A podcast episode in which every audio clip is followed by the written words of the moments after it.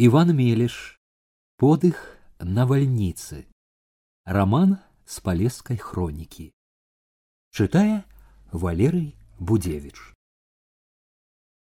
Частка першая, раздел першы. Было лето. Самы пачатак. Ранкі, дні, вечары. Ранкамі яшчэ шэрым часам у халадку валокся сярод вуліцы, гукаў пастух з пугаю, млява рыпелі вароты. Заспаныя гаспадыні і гаспадары выпіхвалі на вуліцу рагуль і падласых.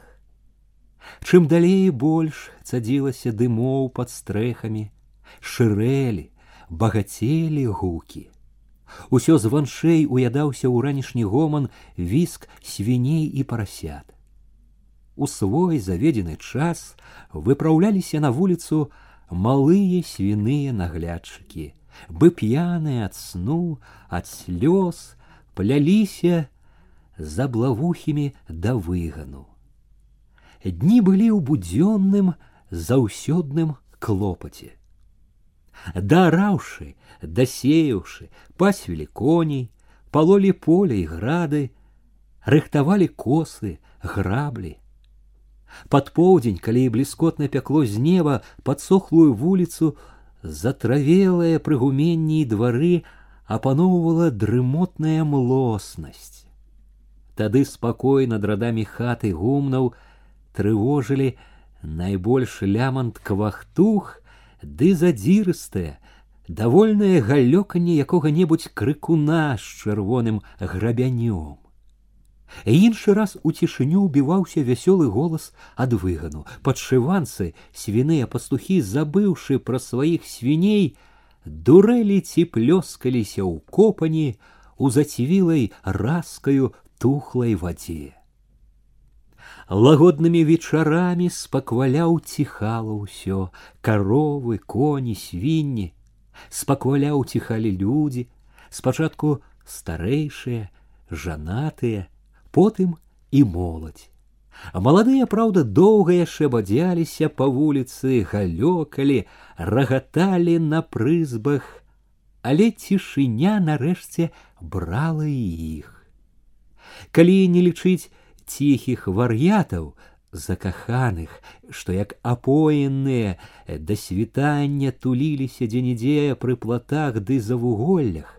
Пасля поўначы на ўсёй вуліцы не было чуваць ні галаска, хаты спалі, спалі росныя агароды, холоднае балота за агародамі. Ад самага красавіка надвор'е прыяла людзям было багата цяпла, і ў час паілі зямлю спорныя дажджы, і азіменна і яравое раслі на вачах і разам з азіменаю з яравым раслі ў асцярожных звыклых да ўсяго сэрцах людзей надзеі на лета. Малілі бога каб толькі і далей памог пагодаю. Усявышні ці не пачуў ці не паслухаўся маленню. Ужо блізка да сінакосу пачалі нядобра лезці на вальніцы. Зранку неба было чыстае і яснае, і яснасць стаяла доўга ў дзень, але за полуднем просто ў вачавіткі пачыналі пухнуць белыя, потым сіняватыя хмары, парыла так, што ў куранях і ўсё навокал млела ў духаце. Пад вечар хмары зацягвалі ўжо ўсё неба. У вячэрняй цемры без упынку кідаліся чырвоныя выбліскі. Яшчэ да таго, як сяло апаноўваў шумны лівень, неба над прыціхлымі хатамі і агародамі нізалі стрэлы маланак і расколвалі удары грому.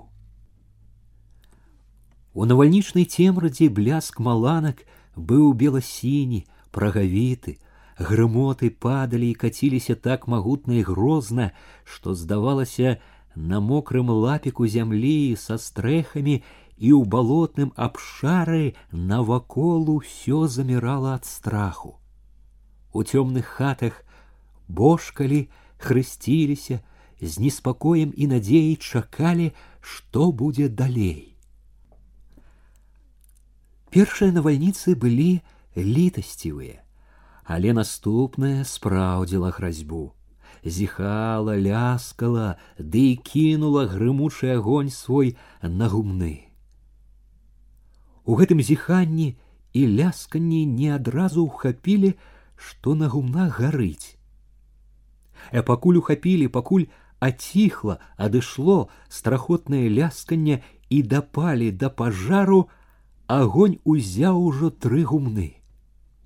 Хоць ліў без упынку дождж, хоць як маглі стараліся стрымаць агонь да світання, ад трох гумнаў засталіся толькі мокрыя абгаркі. А ранкам ужо адкрылася, што навальніца кінула маланку і на крыж за сялом на разгалку дарог. Куранёўскія жанкі, калі ўбачылі гэтую неспадзеўку, затрывожыліся большасць іх меркавала цвёрда, што гэта не на добрае, што чорны крыж знак Божай няміласці. Мужчыны найбольш маўчалі, але было відаць, нямала каму з іх здарэнне з крыжам таксама было недаспадобы. Былі такія і не толькі з маладых, якія не толькі не трывожыліся, а нават посмейваліся, глядзіце, маўляў, і Бог сам крыжы паліць. Прызнае, што пара святая прайшла. Можна сказаць, што здарэнні гэтыя не выбілі куранёў забыдзёнасці. І тым, якія баяліся Бога, і тым, што пагарэлі, не было калі доўга трывожыцца і бедаваць. Ішлі няспынна дні, няспынна вялі клопаты, не хацелі зважаць ні на што. Да таго ж і чуцця да згрызот было не лішне. Жыццё кожнаму шчодра адсыпала, калі не штомесяц, то ва ўсякім разе штогод даволі рознай бяды Мудрай разважнасці людзей былі разам і іншага парадку прычыны. Блізка былі вялікія хваляванні, якія добра помніліся і якія многа значылі ў людскім разуменні быцця у самім іх быцці. Да гэтага лета ў кранёўскія турботы ўвайшло, што далей то ўсё мацней яшчэ адно вялікае хваляванне пачаўшыся некалькі гадоў таму з усякіх і не вельмі пэўных хоць і трывожлівых чутак і гаворак яно вярэдзіла цяпер куранёўскія хаты адчуваннем наступу няўхільных небывалых перамен якія рабілі ўсё заўтрашняе нетрывалым якія гразіліся ўсяму звыкламу цвёрдаму выпрабаванаму Потым ужо з гадамі, з мудрай далечы людзі не раз прыгадвалі гэтае лета. Тады ж нікому не думалася, што дням гэтым суджана запомніцца, надоўга сесці ў людской памяці.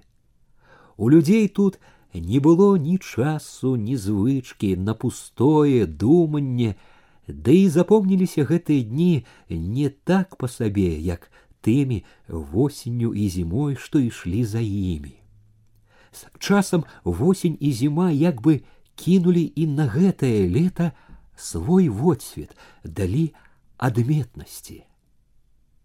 Праўда, што і ў гэтае лета людзі, няхай не ўсе і найбольш цьмяна чулі не такі далёкі подых той помнай восені і зімы. Але і тое праўда, калі глядзець збоку, лета ішло, як усе леты. Усё было здавалася, як заўсёды. Усё было здавалася звычайнае, будзённае, наладжанае. Звычайныя былі раніцы і вечары, звычайныя заўсёдныя учарнелыя хаты і гумны заўсёдныя зелянелыя ў векавечных струпах моху стрэхі.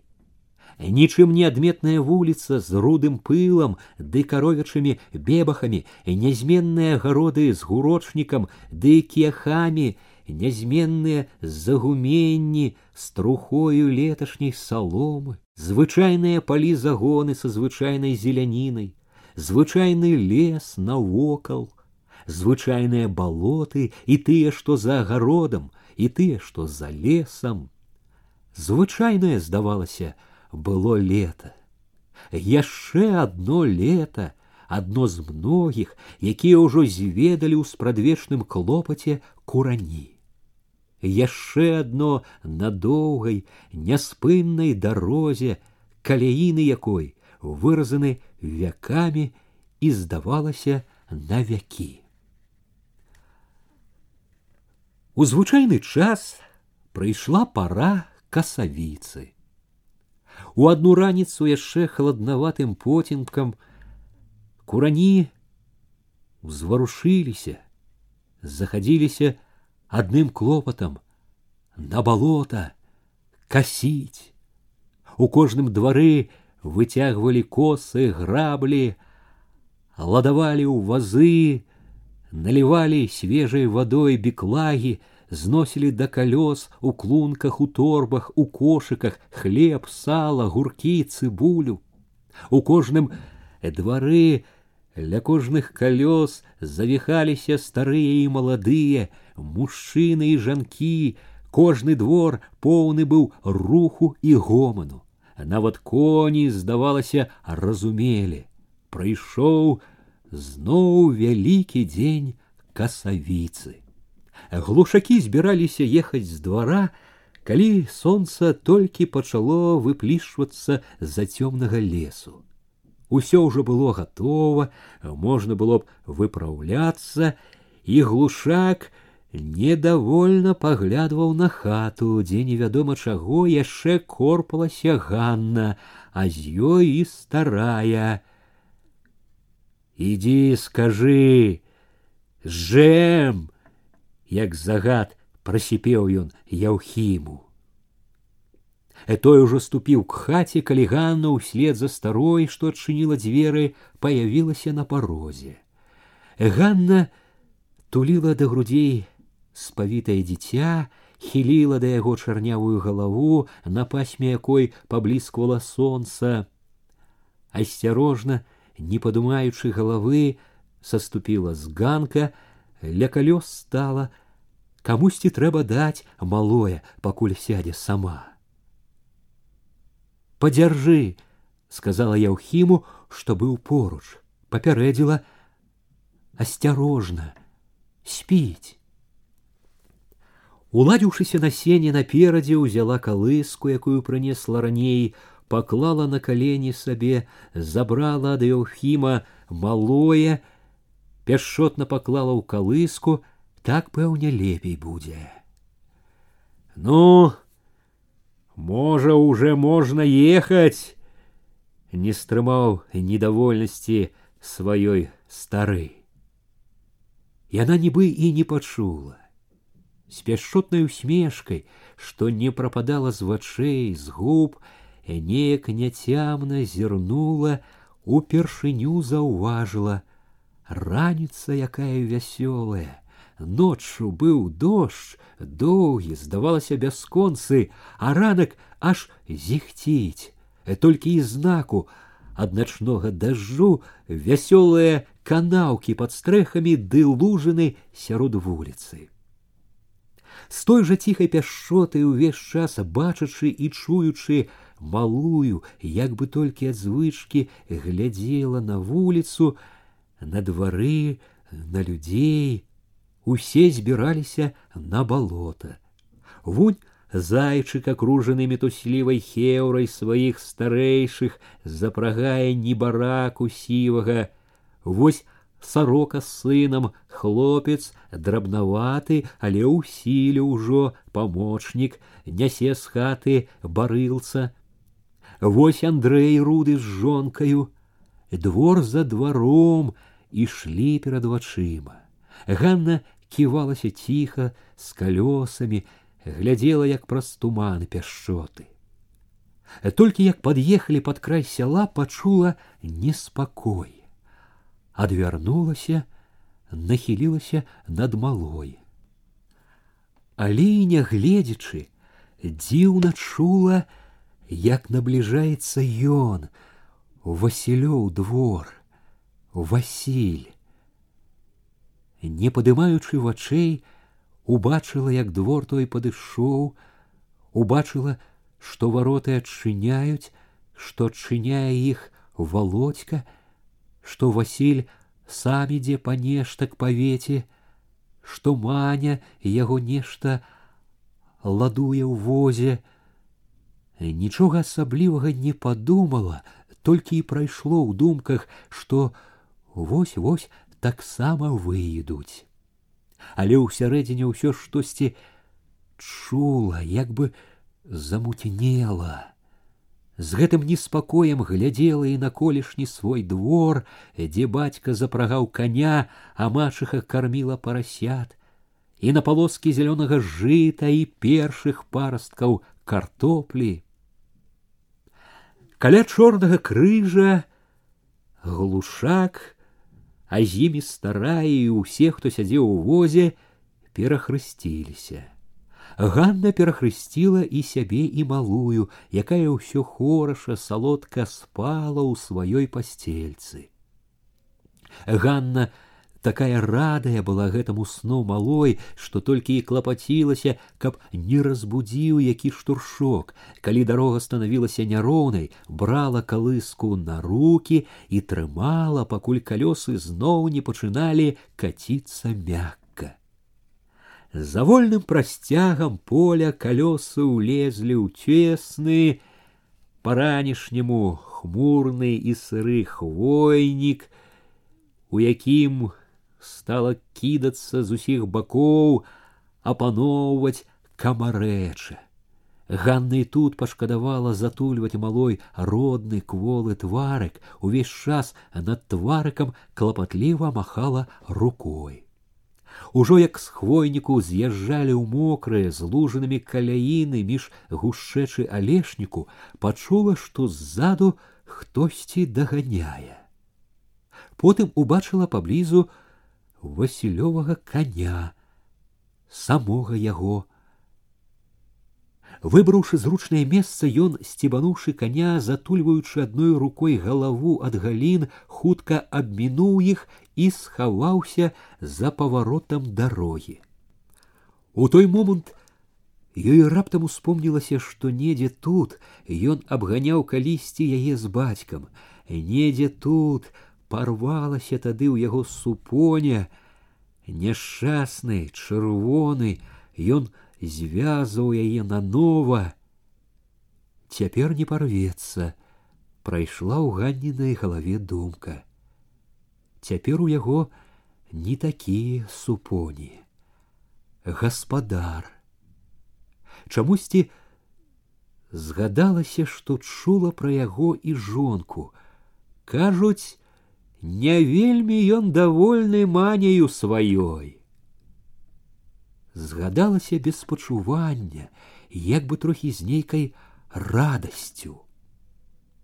Узрушаная памяць напомніла ў міг амаль здавалася забытае, як раскладвалі вогнішча, анямелыя ад першай згоды ад блізкасці. Не толькі ў памяці, а і ў сэрцы ажыло, як лёгка радасна было глядзець што ён марудзіць не наважваецца легчы поблізу аж дзіва было як добра помнілася ўсё да самых дробных драбніц помнілася ўсё але загарэўшыся на момант сэрца зразу ж і патухла толькі на момант успамін засмуціў душу скрухаю. Праз момант бачыла ўсё нібы не сваё, нібы выдуманае. Тры гады чацвёрты уже, адно адзначыла сама сабе.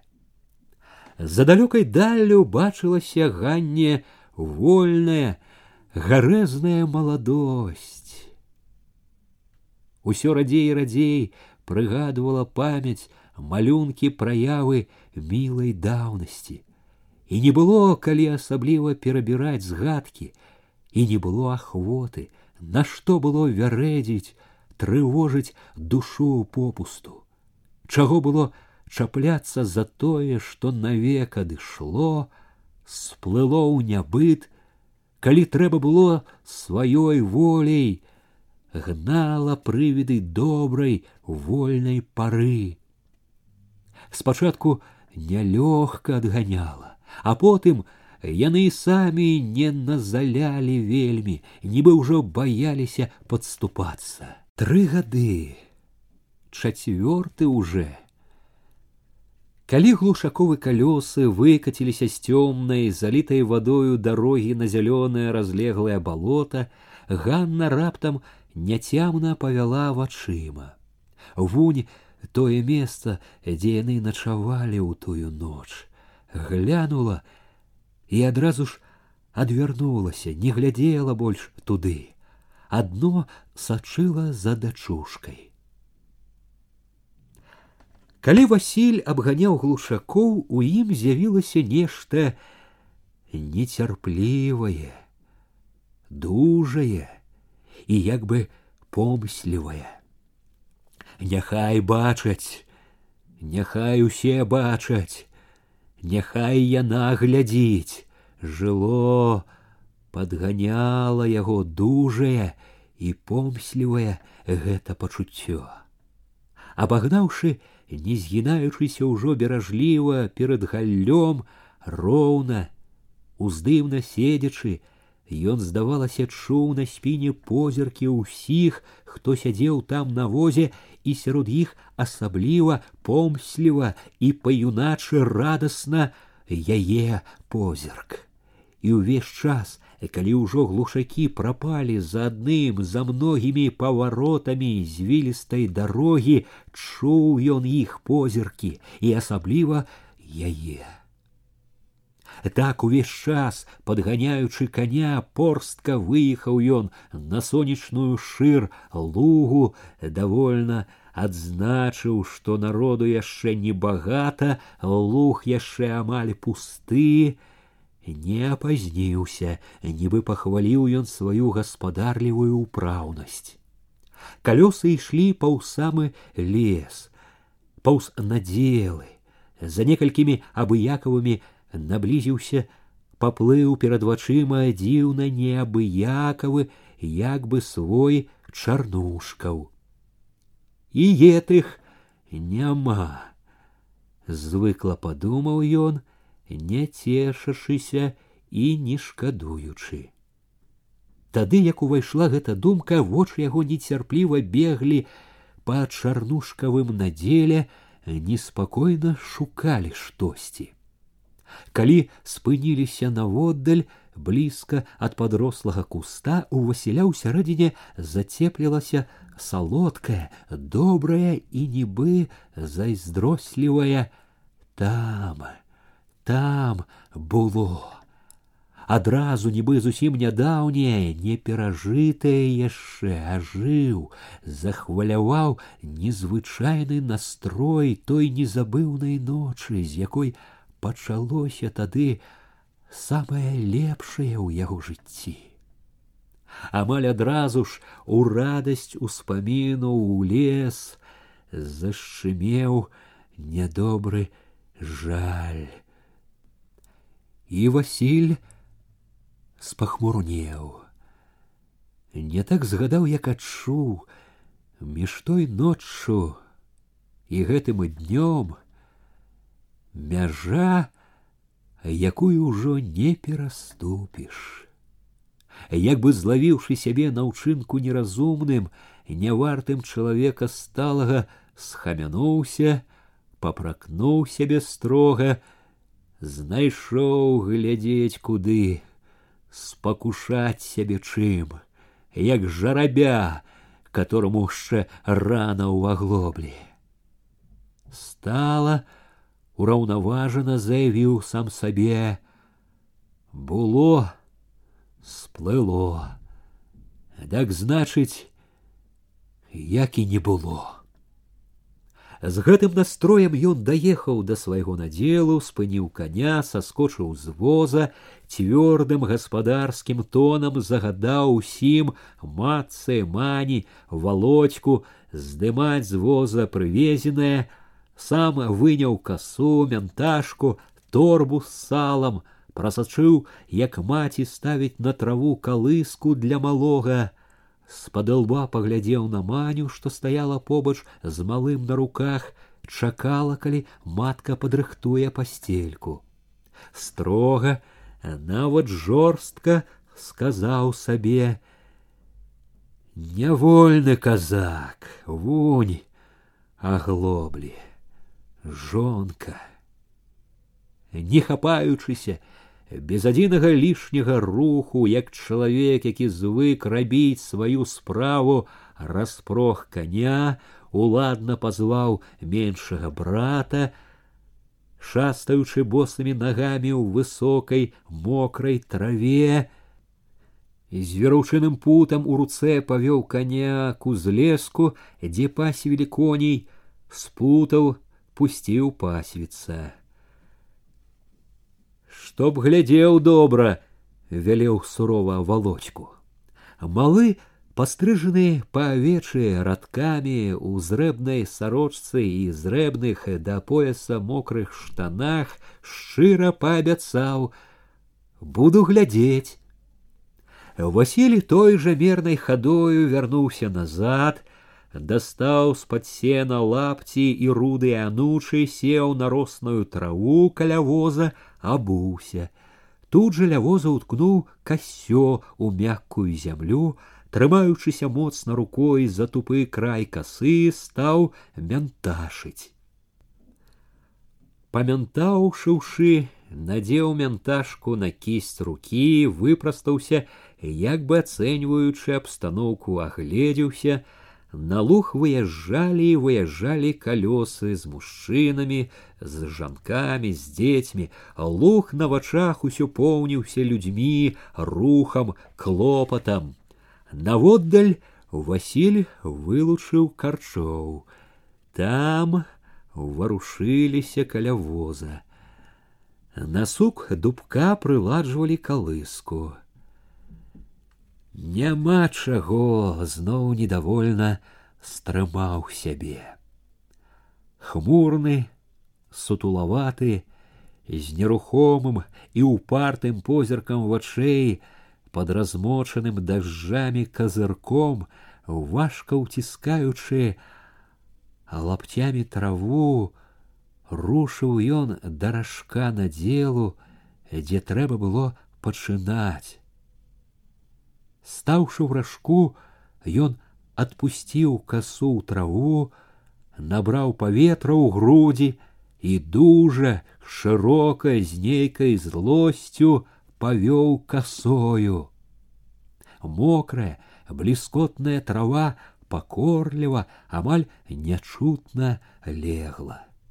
Дужа і нібы злосна Васілі шоў і ішоў на яе Упираючыся расстаўленымі нагамі ў пакошу, пераступаючы лапаць за лапцем, вёў і вёў касою справа налево, прымушаў траву класціся ў радок, адступаць усё далей і далей. Гэта быў ужо не той зялёны хлопец, які вадзіў касою з гонарам, які раўніва сачыў за тым, дзе дядзька чарнушка гадаў, як зіркае за ім васілём яна. Цяпер ішоў тут мужчына, шырокі ў плячах, з дужай, загарэлай шыяю, з дужымі спакойнымі рукамі, з дужымі упэўненымі нагамі. Ішоў звыклы ўжо да свайго нялёгкага абавязку касца, звыклы да турботнага становішча гаспадара галоўнага чалавека ў хаце. Не хапаючыся, не высільваючыся, ашчадна трацячы сілу, мерным спрактыкаваным рухам ввадзіў ён косою, лажыў і лажыў яе ў роўны радок злева. Няма чаго, няма чаго, як бы гаварыў ён сабе з кожным махам касы. Але калі спыніўся, распрастаўшы спіну, узяўся мянташыць, зноў мімаволі павёў вачыма па лузе, знайшоў карчы касілі, стары, сцяпан і гэта пачвара яўхім. Ганна хілілася каля калыскі, што бялела под дубком. Няма чаго. Ён хмурна адарваў вочы, спасцярожліва паглядзеў на сваіх, перахапіў востры матчын позірк, сачыла зноў, як усё роўна пільнуе, як чытае ўсё роўна думкі. Маня, тоўстая, санлівая, сядзела на траве, корміла дзіця, не выспалася зноў, падумаў нядобра. І сядзіць, як цеста з дзяжы.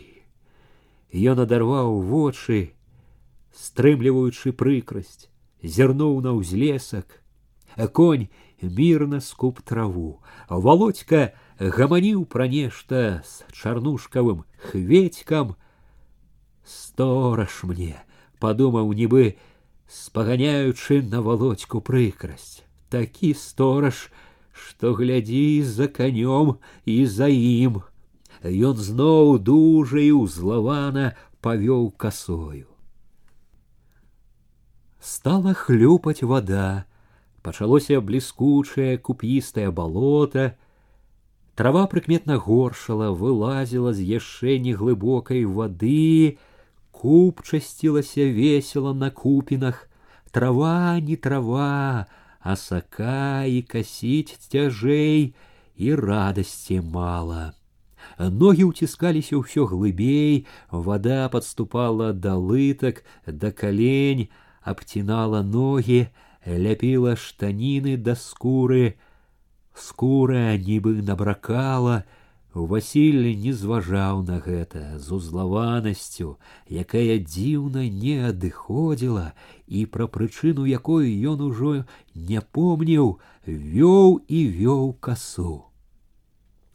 Чым далей ён так ступаў, мерна, лапаць за лапцем, тым больш цела яго, руки, ногі, спіна налівалася з няможнай стомай, прыемнай, хмельнай, нібы пасля гарэлкі. Ён дужаўся з ёю, з нейкай нават задзірстасцю. Ён быў захоплены рытмам, наступальнасцю працы, што не мах, няхай на даўжыню лапця ён ішоў і ішоў уперад, аддаляўся адтуль, адкуль пачынаў, набліжаўся туды, куды павінен быў прыйсці. Што не мах, ён рушыў туды, куды павінен быў. Кожны мах быў поўны простага зразумелага сэнсу, поўны таго абавязковага, сур'ёзнага, гаспадарскага, чым жылі і жывуць усе мужчыны, гаспадары і чым трэба жыць яму. Стома ўсё навальвалася, але ён не наракаў, як і на камароў, што назольна віліся, упіваліся ў твар у шыю. Як няма балота без камароў, так і праца, ведаў ён заўсёды са стомаю. Калі робіш стома, так і трэба. Інакш і быць не можа. Калі робіш, у тым і задача ўся, каб не паддавацца стоме, адужваць яе і наперакор ёй ісці і ісці.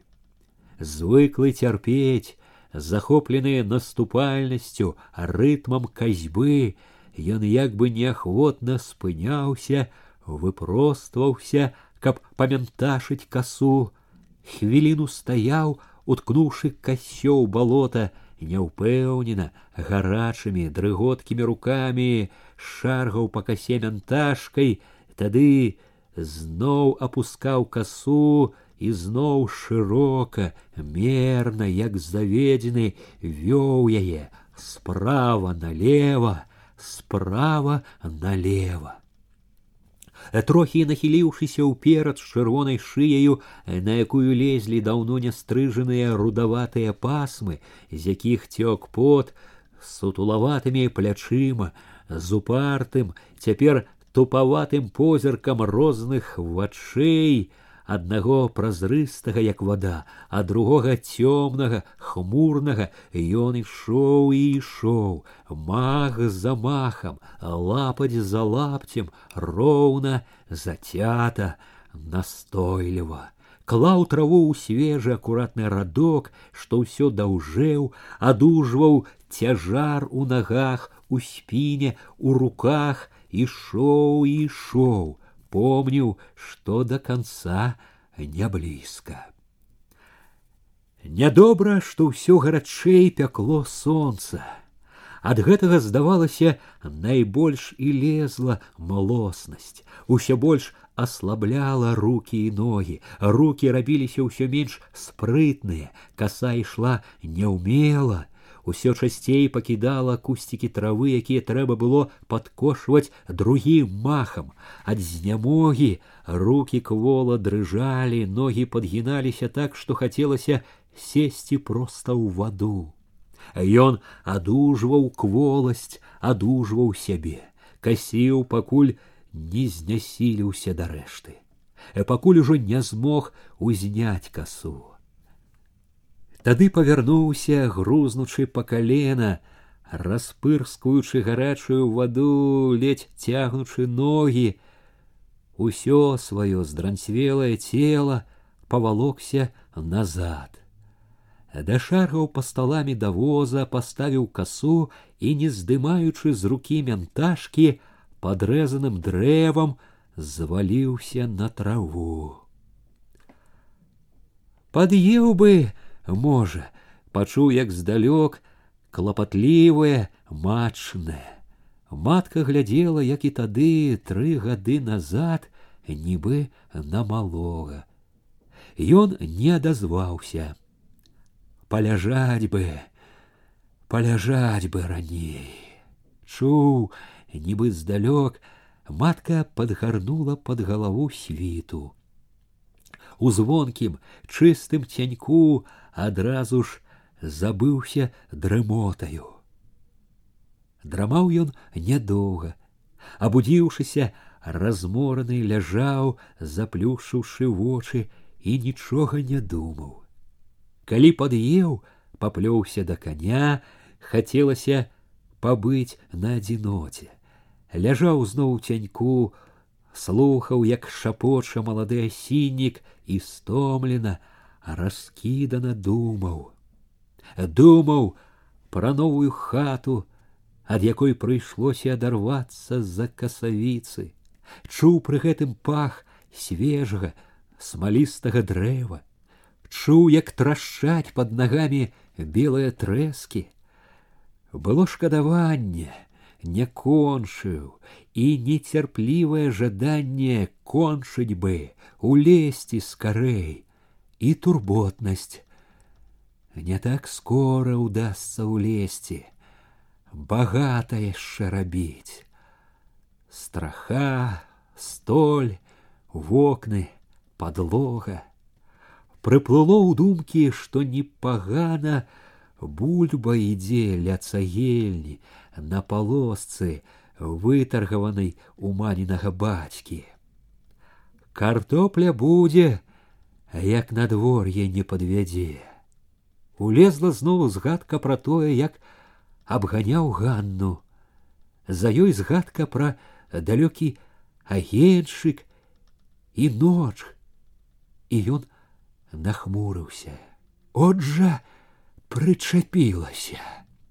Зноў загадаў сабе жорстка няма чаго. Знарок стаў цешыць сябе, што от недарэмна трапятаўся тры гады, дабіўся, можна сказаць, таго, чаго хацеў. Зямля добрая ёсць, конь надзейны, хата новая, гаспадарка не горш, як у людзей. Але як не цешыў сябе, з душы не сыходзіла жывая маркота, нездавальненне, адчуванне якойсьці крыўнай нескладности, несправядлівасці жыцця. Ускрай глушаковага надзелу стаяў малады, ужо моцны дубок. Спыніліся каля дубка. Неўзабаве Яўхімі сцяпан з косамі цераз плячо чоўгалі лапцямі крашку, ад якога меліся пачынаць касіць.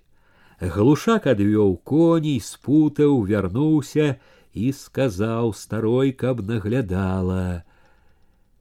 Ды беклагу капаю землю. У тень кінуў ён. Зірнуў на ганну, як бы хацеў ёй даць работу, але не прамовіў нічога, з касой падаўся да сыноў. Ганна, якая пачапіла ўжо калыску на сук, гушкала малую. А малая ляжала разгорнутая, радавалася волі, моманту не магла паляжаць ціха, стрыгла ручкамі, ножкамі, мыляла ружовымі губкамі, штосьці сказаць хацела. Ну што, Ну што, смяялася, нагинала да яе галаву Ганна. Что, ну, скажи, ну, ну скажи, Верочка. А, знаю, хорошо кажешь, хорошенько, тепленько, сонейка, птушечки теликают, телик, телик, комарики только недобрые, укусить хочуть а мы их отгоним. Идите, идите отсюль, не чапайте верочку. Зноў смяялася, цешылася, хорошенька, матылькі лятаюць, жучкі гудуць, гу-гу-гу, спяваюць верачцы. Усе спяваюць верачцы. Агу, агу падышла, тыцнула чорным парэпаным пальцам глушачыха показытала вершину грудку, агу, агу, промовила, як бы хвалячы. Яўхім, чысты яўхім, як дзве кроплі падобна. Малая хутка-хутка застрыгла ножкамі. Ну што, зноў схілілася да малой Ганна, рада, Побегать захотелось. Ну, ну, побегай, побегай. У, як хутка, як хутка, а я догоню, а я догоню, догоню. Не, не могу, Верочка хутка бегай, хутка. Ніхто Верочку не догонить. Хутка Верочка схапіла ручкой ногу, потягнула до рота. Вот и Яухим, усё браў у рот. Ну, куды ты, куды? Не слухала старую, смяялася Ганна. Бе ножку нядобра ссаць. Нядобра. Ну, куды ты? Забаўлялася б, дурэла б Ганна з малою цэлы дзень, каб скрыпучы голас старога глушака не пазваў грэбці загарнула, стала спавіваць малую. Верачка не давалася, усё катурхала спавіўку, не хацела няволі. Але што ты зробіш? Не спаўеш выкаціцца, не дай бог з калыскі, грымнецца на зямлю. Ганна, шкадуючы малую, адно старалася спавіваць лёгка, няхай усё ж будзе дачушцы вальней. не плачь, не сумуй тут одна. Я скоренько вернуся, скоренько. Акуратна затуліла калыску полагам ад камароў, ухапіла граблі і хутчэй падалася да пракосаў. Пераварочвала граблямі сена, а думкі, а душа былі ўсё каля дуба, каля дачушкі. Ці не захацела есці, ці не мокранькая, ці не кусаюць камары.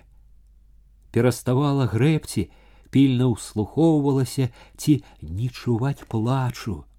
Плачу не было, шыркалі адно косы наводдалі, ды звенела, стрыкала балотная драбната. Усё ж трывала неспакой нядоўга. Уткнуўшы канец грабель у балота, подбегам падалася зноў да дубка. У калысцы было ціха, верачка спала.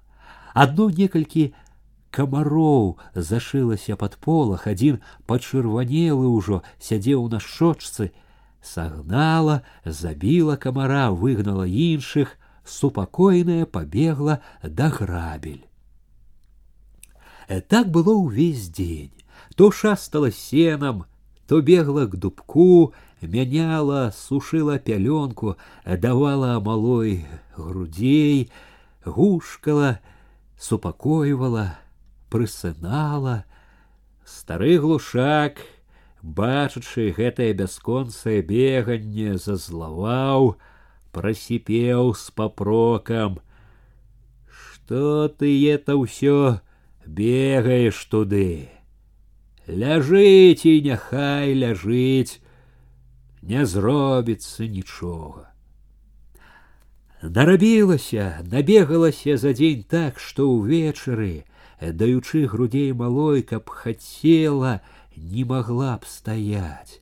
Сядзела, прытуліўшыся да дубка, усё ж і ў зморы тлела, жыла пяшчота, радасць, ціха, санліва, лагодна вяла. Люлі, люлі, верачка, люлі, люлі маленькая.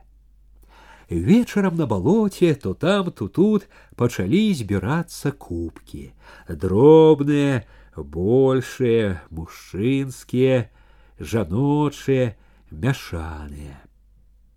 Ля калёс, каля вогнішчаў, пад якім-небудзь дубком. Некалькі жанок сышлося да геншыка, ля якога корпалася дзятліха. Пачалося з таго, што па дарозе аднекуль забегла сарока, яна і прывабіла да дзятлішанага агеншыка цікавасць.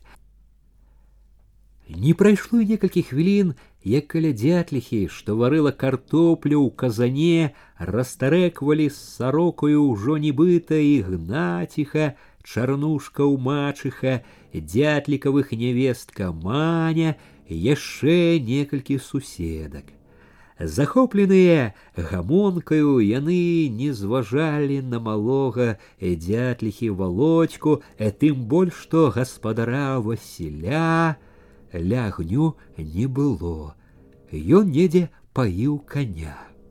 Нібыта ігнаціха пры спачувальным маўчанні жанок прамовіла, што можа яшчэ нічога такога і не будзе, што можа страхі тыя людскія пустое, і ўсе, хто быў пры агні, зразумелі, аб чым яна і дятліха ахвотна падтрымала. Добра было б, каб пустое было, каб адумаліся, адступіліся. Сарока нібы чакала гэтага, рынулася адразу, не адступяцца, не адступяцца і не думайце, а яна ўпэўнена напрарочыла. От толькі вернемся ў хаты, пабачыце, пачуеце, як дома пераначуеце. Пэўне, што не адступяцца так, разважліва згадзілася Васілёва маці. Куліна ганніна мачыха раптам нецярпліва адрэзала. Няма дурных, Еці няма, а толькі так не кончыцца, не для таго гаворана, чтоб кінуць не ворана. Куліна аж гарэла. І это ж дадумаліся. Аддай сваё ўсё, усё, што нажываў век мазалём сваім. Аддай чорту лысаму, а сам астанься як ні з чым, як усё адно голы. Коніка, кароўку, воз, усё падтрымала нібыта ігнаціха. Землю аддай, насенне аддай, усё аддай, усё, што з дня на дзень набываў, а гораў жывучы. Ад бацькі, ад маткі, што асталося, дадала сваю долю Васілёва жонка Маня, што карміла з грудзей малое. Дзе это відана кіпела ганніна мачыха, кеп усё сяло, як адна сям'я была. Тут і ў сям'і грызесся вечна, брат брата за горла бярэ, а то кеп з чужым мірна, смех ды годзе. І ўсё-таки не адступяцца. Не так завязали, чтоб добра і так сказали. Ждуть толькі час, чтоб павесці ў калгас. Не дождутся, а от жа ў алешніках тым часам жывуць неяк, адгукнуўся дзед дзяніс які дасюль нібы і не слухаў нічога сушыў адно лапці анучы жывуць не дай бог жыць каму так дзед перавярнуў анучу падблізіў зноў к агню прамовіў спакойна жывуць тым часам не паелі адзін аднаго Жняярку прывезлі, ускочыў у гаворку володька, радуючыся, што ведае такую навіну. Ён здзівіўся, ніхто на яго навіну не абазваўся словам, нібы не чулі, нават дзед. Алешнікі, то шавіламі па вадзе пісано. Пажывем, пабачым, па-людску ці па-сабачым алешнікі не вадавічы. Дастаючы казан з агню зазначыла дятліха. А вадавічы што? Булая там у тых вадавічах к залвіцы хадзіла, бачыла, нібыта ігнаціха покруціла галавою. Дамеціха, што падышла пазней за іншых, запярэчыла, вадавічы то вадавічы пра вадавічы няма чаго казаць аге няма чаго сарока апярэдзіла ганніну мачыху гатовую рынуцца ў бой захапіла гаворку добра ім камуну сваю рабіць было на ўсём гатовенькім і дом гатовы і ўсе другія асновы і хлявы і свірні жывіце коні і свінні ўсё гатовенькае і сад шае такі на цэлую вярсту сад і ўсё адно толку з таго перабіла сароку ганніна мачыха радасць таго каму, як яно ўсё чужое, і хлеў не твой, і свірань не твой, і хата чужая, і конікі і кароўкі ўсё чужое, не возьмеш сам, і ўсё па камандзе, зрабі тое, зрабі другое, хочаш не хочаш, як пры пане. Што па камандзе, то ще не страшно. было б што есці, давалі б што ў рот несці, на ўсём гатовенькім, панскім, то лёгка, дашэй з помаччу ад казны. Мало што пан аставіў здароў, дык шэй казна коней ды кароў. Дак і ў калгас еты казалі, помач даваць будуць. Ціха згадала худая адны косці зайчыха. Памогуць, дадуць калі крыхотку, дык потом забяруць пудам, налог дзяржаве скажуць. Кеп сваё пры сабе зноў перабіла сароку ганніна мачыха. Эдак можна было б яшчэ падумаць, а то сам усё дай ды дай ім, дай ім, а ад іх табе можа дуля, а няўжо што другое. Алешніцкім памагаюць непагано казалі. Коней прыгналі надысь добрых, з якогось заводу грошай даюць і налог з іх не вельмі бралі. Аге, памагаюць, пакуль не запрагуць добра. У глінішчах ускочылі, цяпер круцяцца, як ад заразы, выпісацца хочуць каторыя, дак іх і слухаць не хочуць. Ні коней, ні зямлі не даюць назад. Уламалася мачыха. Ідзі голы ў свет. Васіль, брат мой, упісаўся, дык каецца не перакаецца, а вярнуцца назад няма як. И это і я чуў тым часам ад глінішчанскіх пацвердзіў дед Дзяніс. І алешніцкія, і тумановскія дзержацца, дзержацца і не бядуюць. Хто не бядуе, а хто і бядуе, пра сваё добрае шкадуе, а толькі як хто ў пельку скочыў, дак канешне і нам у іх свая, а у нас своя голова. И это правильно, кивнул дед Дзяніс, перакидываючы з руки ў руку бульбину, что пекла пальцы.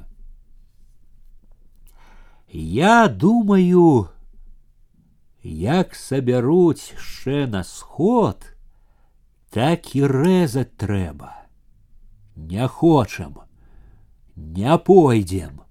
Твар ганнінай мачыхі быў рашучы, непахісны. Хоць пять, хоць десять разоў сабіраць будуць. Усё адно рэзаць трэба не хочам. Не жалаем, не хочам, так і сказаць трэба, загаманілі жанкі. Няма чаго тут, не хочам і не хочам, і ўсё. Зайчиха и дамечиха молчали, таили свое асобнае, але іх не заўважалі. Іншыя жанкі былі поўныя сваёй рашучасцю, ад якой стала зноў лёгка, ясна на душы. Трывожыцца як бы не было чаго, усё проста было. Не хочам, не пойдзем і ўсё стали говорить весело, без запалу, про розныя домашнія дробязі. Амаль у той жа час ля другога агню непадалёк сышлося некалькі мужчын, і групка была выпадковая, і выпадковы агонь раскладзены маткай Алёшы губатага. Вячэра ўжо скончылася, матка пайшла да воза ладавацца на ноч, сабіралася спаць, і алёшава сястра Арына, што дашкрабала чыгун ад прыгарэлага куляша, і сам Алёша, які нешта санліва плямкаў, бы іграючы. Тады прыйшоў хоня, Звонкі хоніў голас у момант абудзіў і алёшу і яго бацьку, што ўжо ў сне ссаў сваю векавечную люльку. Захонем вельмі хутка прыбіліся жвавы зайчык, пануры міця ляснік, ціхі сумны чарнушка, Ужо зайчыкі хоня памеркавалі, чаго гэта паклікалі ў сельсавет міканора, калі з цемры за агнём вырас Васіль у белай кужэльнай адзежы, расхрыстаны з вуздэчкай у руках. У святле ад агню добра акрэслівалася моцная мужчынская шыя, загрубелы абветраны твар, хіп неслухмяных шорсткіх валасоў над заклапочаным ілбом. За гэтыя гады валасы яго прыкметна пацямнелі, але як і раней пшанічна жаўцелі на кончыках. Над самым ілбом і на скронях яшчэ выгаралыя на летнім сонцы.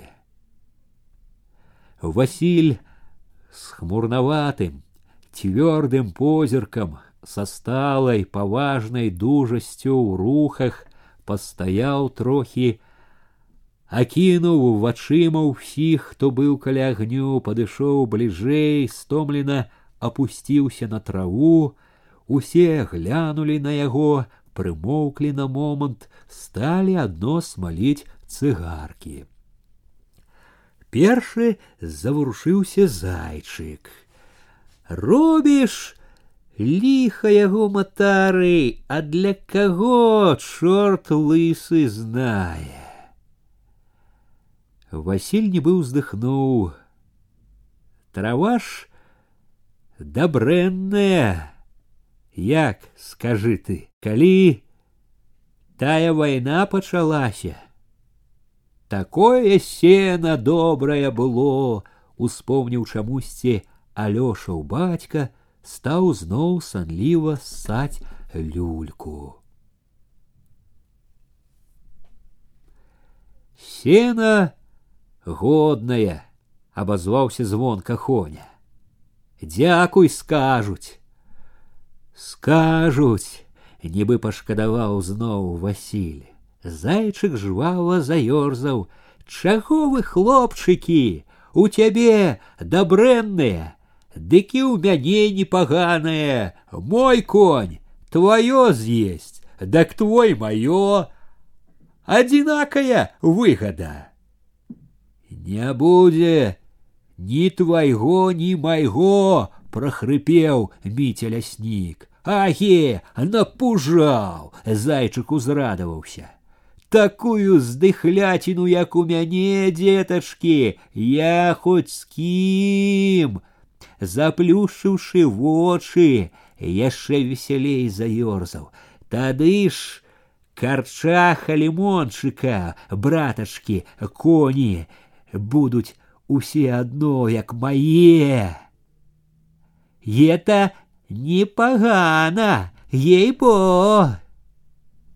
Без меры довольны, тоненькім галаском захихікаў, смяяўся які міг, а раптам ускочыў нецярпліва, гарэзна затупаў.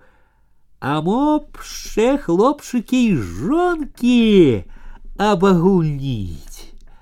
Ён весело зіркнуў на хоню, на Алёшу, фыркнуў смехам, чтоб, скажем, мою старую Василю, а Василеву Маню мне примером на тыдзень. Мужчыны, не зважаючы на алёшаву сястру, з радасцю ухапіліся за смешкі. Маўчаў толькі чарнушка, які за ўвесь вечар слова не выціснуў. Хоні і міця сталі падбіваць Васіля на спрэчку, але ён толькі хмурыўся. Знайшлі час плясці дурную гаворку. Свет, можна сказаць, ламаецца, а яны хаханькі. Не будзе з гэтага нічого, сказаў панура, цвёрда, калі мужчыны сціхлі. Зайчык пырснуў дурасліва. Унь бач, хлопчыкі, не хоча мяняцца. Васіль поўны свайго клопату зноў перамаўчаў яму. Як хто а я по-свойму. Голас яго аж дрыжаў, так чулася хвалявала тое, што выказваў. Я сам по сабе, як канчатковае, непахіснае, адрэзаў, не пойду. Скажу не, і ўсё. У вачах празрыстым светлым і карам, што глядзелі з-пад лба з-пад хмурных броў, гарэла адна безбаязная ўпартасць. Быў так усхваляваны, што не адразу заўважыў, як падышоў к агню нібыта ігнат, можна сказаць, прыяцель яго. Скажаш, а мо падумай яшчэ, як бы пакпіў хоня. Не трэба зразу так заракацца. Аге, скажу не, подхапіў з насмешачкай зайчык. Скажаш, скажаш, ды толькі хлопчыкі, паслухаем, што, як возьмуцца добра, як стануць прасіць вельмі. Запяеш шчэ, буркліва напрарочыў Васілю міця. Не запяю. Василь заўважыў, прыязны, падатхвотлівы позірк нібыта ігната дадаў, сказаў і скажу. Усе скажуць, нібыто падтрымаў ігнат. Хоня міг маўчаў, не хацелася зноў заядацца з хадощиным бацькам, але не ўтрываў. Вы, дядька, за ўсіх не кажыце. У кажнаго свой язык е. Не аджавалі. Ігнат зіркнуў на яго злосна. І ты за другіх не вельмі нібыто. Я за сябе кажу. І я нібыто. Усе ведалі, што Хоня заляцаецца да ігнатавай хадоські. Жаніх, можна сказаць, Але нікому і ў галаву не прыйшло падсмяяцца цяпер са спрэчкі абодвух. Зайчык зноў насеў на Васіля. От адбяруць голас ды прыпаяюць як халімончыку цвёрдае заданне не прыпаяюць. Няма такога закону знайдуць прароча запэўніў міця Васіль не думаў сыходзіць з пазіцыі гатоў быў на ўсё а і прыпаяюць усё адно что усё адно Усё одно, як такое, что жить, что не, усё одно. Жить будешь, звонко заявил Хоня, нигде не денешься, и у коллектив пойдешь. Не пойду. Пойдешь, усе пойдут, и ты со усими. Пойдешь, Пойдзеш, детачкі, падтрымалі хоню міця і зайчык. Не пайду, Васіль запыніўся, Як даказаць яшчэ сваю рашучасць, непахіснасць сваю, калі на тое не прывязаны тут. У свет пойдзеш, кинешь усё. Василь перамаўчаў. Что тут сказать? И так ясно. И чаго это страшыць так калектыў еты, падумаў голас Хоня. Жывуць жа людзі ў калгасах. Унь алешнікаўцы ці тумановскія. Багата хто, дык лепей як дасюль. Бандарчук залешнікаў дык смяяўся, Нічога, весялейшае, кажа ў купе, памог коню Алёша. Весялей і лягчэй, жнейку з мазыраўнь прыгналі, насенне адборнае, сартавое выделілі, на рады з воласці прыйшлі уже. Ну вот и иди уе ты свой рай. А мы, нібыта, так поживем. Нам и так непагано. Хоня стрымаў сябе. Міця, не здзіўляючыся, не судзячы, адзначыў проста: Хоня готов уже хоть цяпер. Пойду. Хоня зацягнуўся, прымоўк раздумліва, не тоячыся пашкадаваў. Я-то готов, а старая ўсё бошкая, боится. Ідзі во што! заступілася за хоневу матку Арына. Зайчык узрадаваўся, хихикнуў.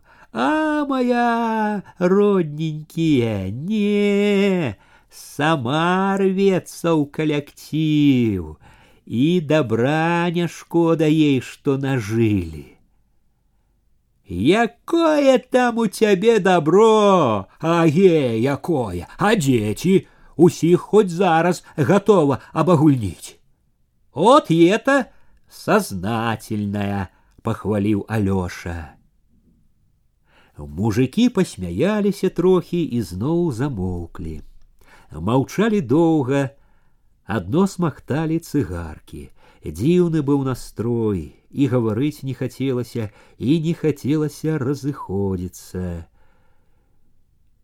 Як бы не ўсё было сказано, а гаварыць ніхто не мог. Васіль і нібыта ігнат, які ў другія разы падаліся ад агню дваіх. Калі дайшлі да васілёвага надзелу, сталі, Ігнат сказаў бы мудрасць: Як там яно не будзе, а трэба рабіць нібыта. Запасацца на зіму трэба. Карова не захоча знаць нічога, з гаспадарскай сталасцю згадзіўся Васіль.